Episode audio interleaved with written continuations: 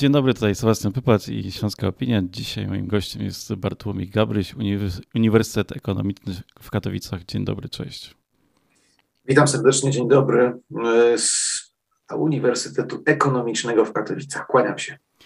E, w jakiej sytuacji są teraz e, typowi Rosjanie, którzy właśnie mam taki e, tytuł, czy taki nagłówek medialny przed oczami, którzy obudzili się w nowej rzeczywistości, w której nie działają ani ich karty, ani ich płatności Apple Pay, Google Play, a też stopy procentowe podskoczyły do 20 punktów procentowych.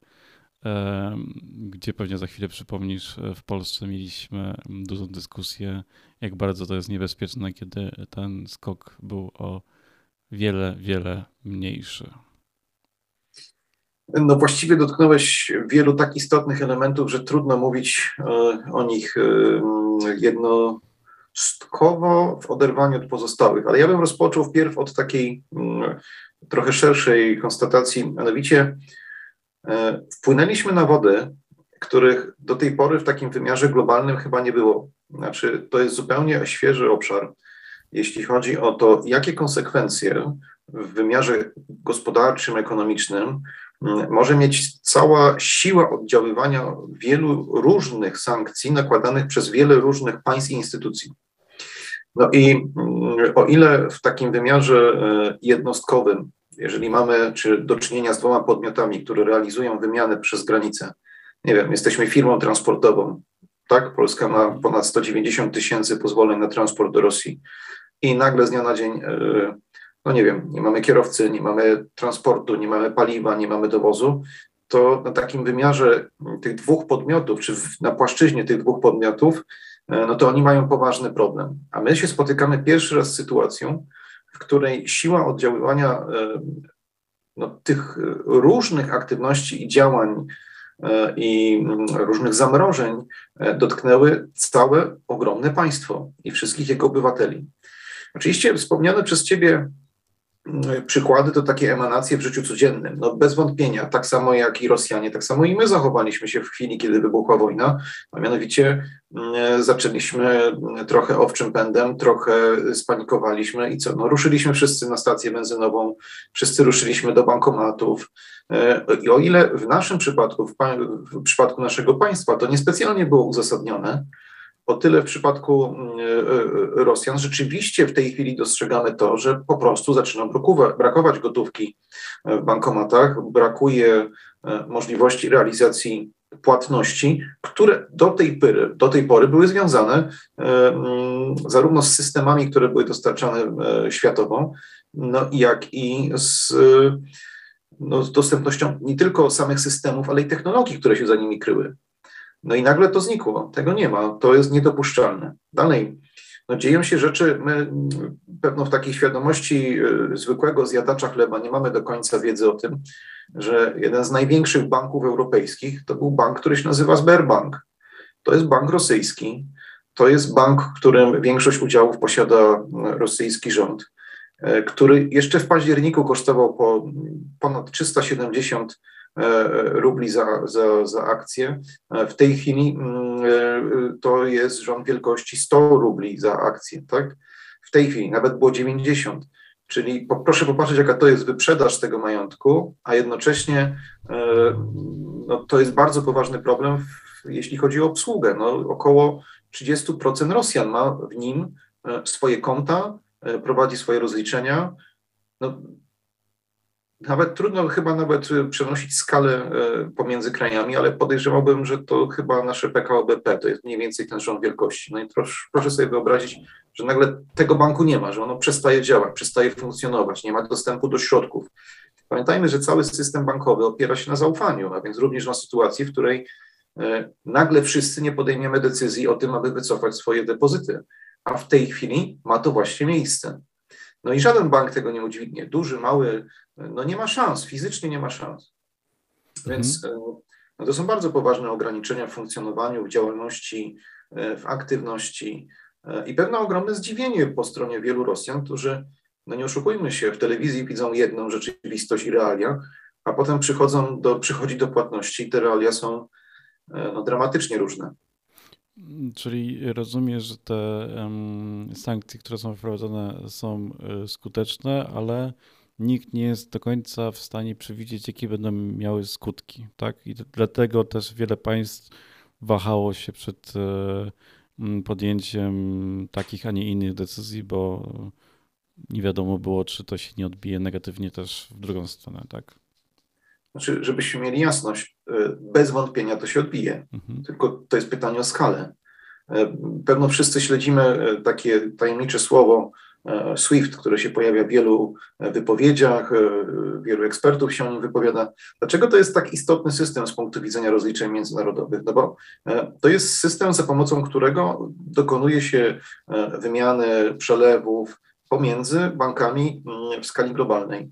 No i jeżeli teraz znaczna część banków rosyjskich już w tej chwili jest zupełnie poza nim, sporo część podmiotów jest poza nim, no to one nie mogą realizować e, tego, no na przykład, żeby się gdzieś zapożyczyć w innym kraju, aby móc te depozyty, które w tej chwili mieszkańcy Rosji próbują wydobyć, e, aby móc rzeczywiście zdobyć środki finansowe na to, żeby je mm, e, postawić do dyspozycji, prawda?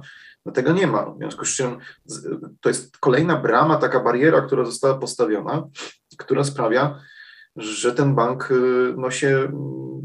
No w tej chwili mówi się, że jest na kolanach, no mówiąc takim językiem już bardzo kolokwialnym. Dalej y, mówimy o, o, o banku, no ale mm, dalej y, popatrzmy na giełdę. No giełda zastopowała, tak? Koniec, nie ma w tej chwili, jest poza funkcjonowaniem. Dlaczego? No bo y, spadki były tak dramatyczne, że y, no to była jedyna rozsądna w tym momencie decyzja, żeby wstrzymać aktywność i działanie giełdy, y, ponieważ ta wyprzedaż, która się tam działa, miała charakter znowu działania panicznego. Dalej, wspomniałeś o tym przykładzie tego oprocentowania. Zwróćmy, zwróćmy na uwagę, tak? U nas podwyżka ostatnia to jest pół punktu procentowego. Pół punktu procentowego który dla części z nas już oznacza podwyżkę kosztów taką, która stawia pytanie o to, e, czy stać nas na to, e, czy będziemy mogli wyjść gdzieś do restauracji, czy gdzieś dalej, a czasami nawet stawia, e, czy kwestionuje to, czy w ogóle nas stać na ten kredyt. Co się stało w Rosji? No, bank centralny, żeby ratować wartość rubla, podniósł oprocentowanie, tę, tę, tą, tą stopę taką referencyjną z poziomu 9 do 20%. No proszę sobie wyobrazić skalę, jak, o jakiej my mówimy. No i teraz wyobraźmy sobie, że spłacamy kredyt. Chwilę wcześniej było 9, dwa dni później jest 20.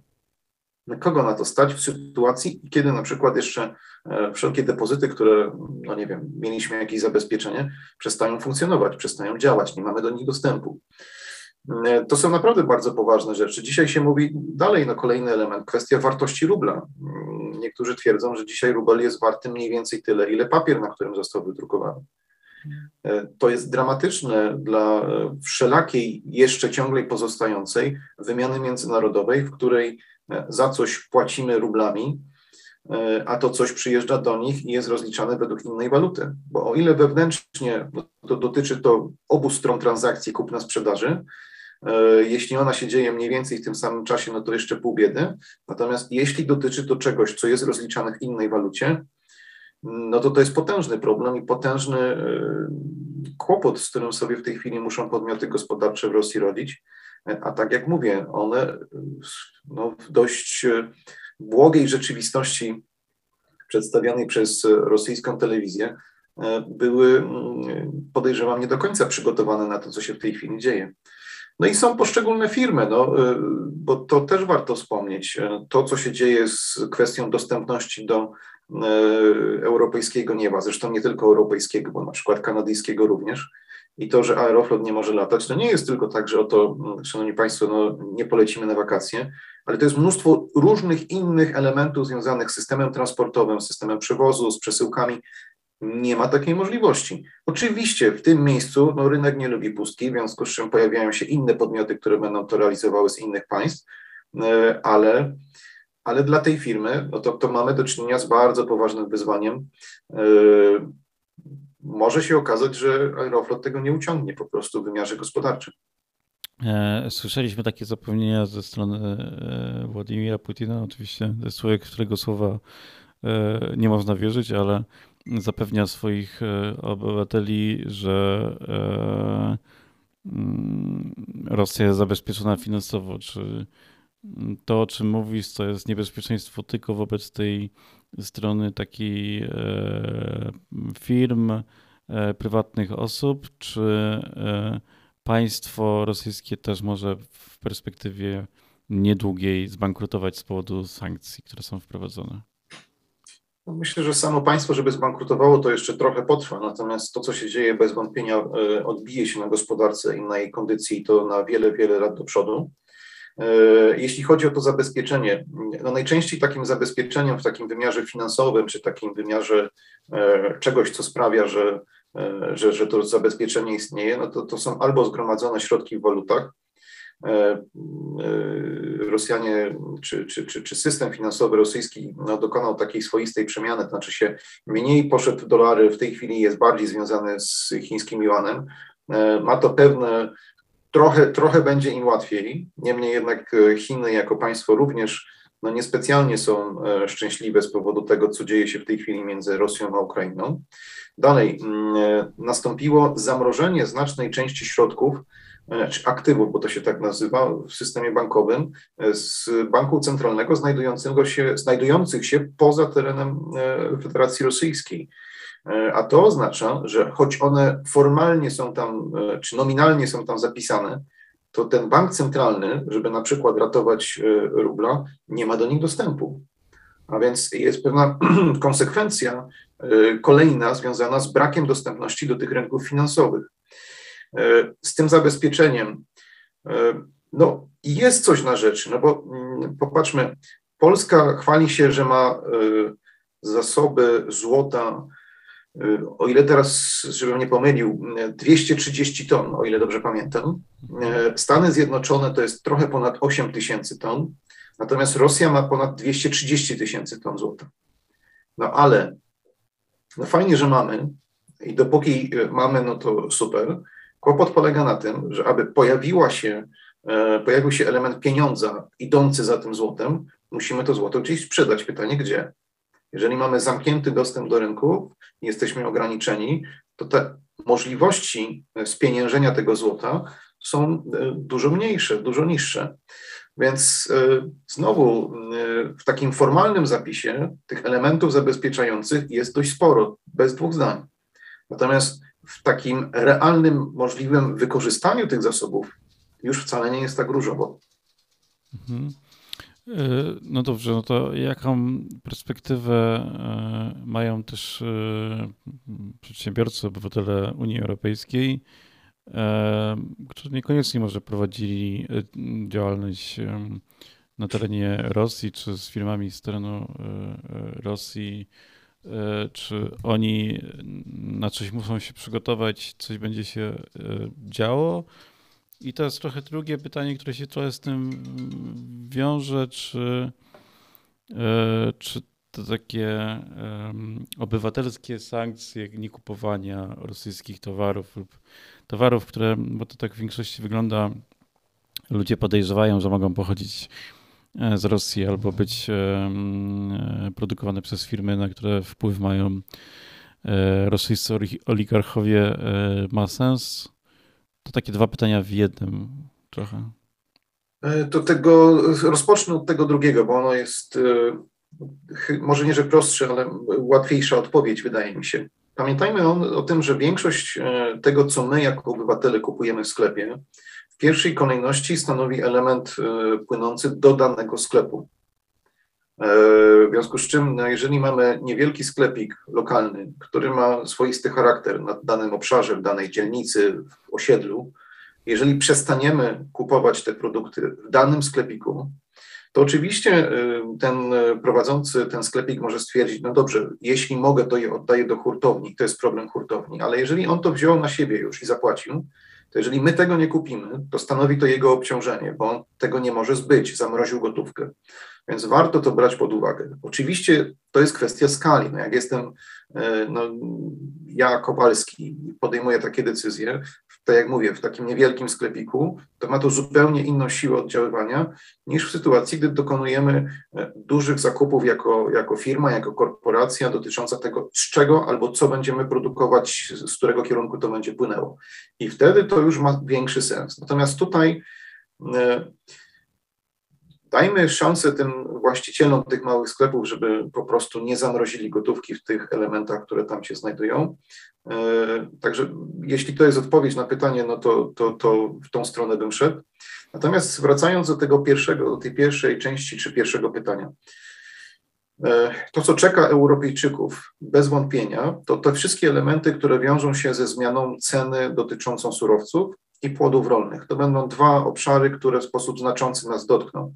Jeśli chodzi o surowce, to no, wystarczy przejechać się na najbliższą stację benzynową i zobaczyć, co się w tej chwili dzieje.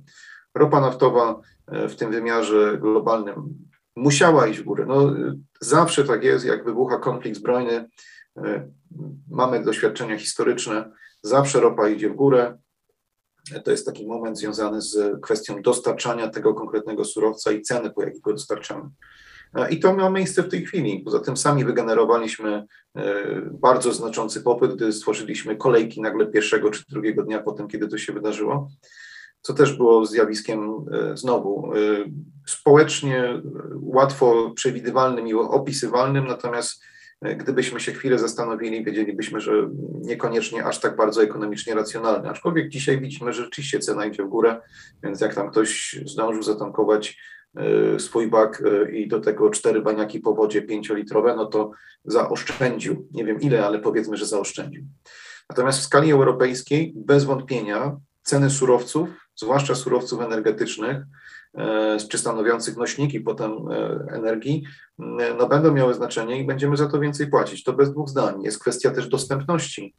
Różne dane pokazują, że Polska, jeśli chodzi o paliwo, gdyby, pamiętajmy, że cały czas e, ten przesył się normalnie odbywa, tu nie ma żadnych zakłóceń w tej chwili, więc gdyby nagle zastąpiło zatrzymanie, no to ilość paliwa, ropy, diesel i tak dalej, to całość, jeśli chodzi o ten sektor paliwowy, no to my mamy dobrze zapasy na jakieś trzy miesiące, więc jeśli mamy na trzy miesiące, to pewnie byśmy się zaczęli martwić trochę później, e, jeśli ten konflikt tyle by trwał. Oczywiście jest pytanie, czy będzie tyle trwał, ale to, mm, to myślę, że chyba jest e, za wcześnie, żeby tak naprawdę twierdzić, w którą stronę to się e, obróci, czy, czy, czy jak to będzie wyglądało, znaczy, żebyśmy mieli jasność Oczywiście życzymy sobie, aby to się skończyło natychmiast i w tej chwili, natomiast e, realia mogą być nieco inne.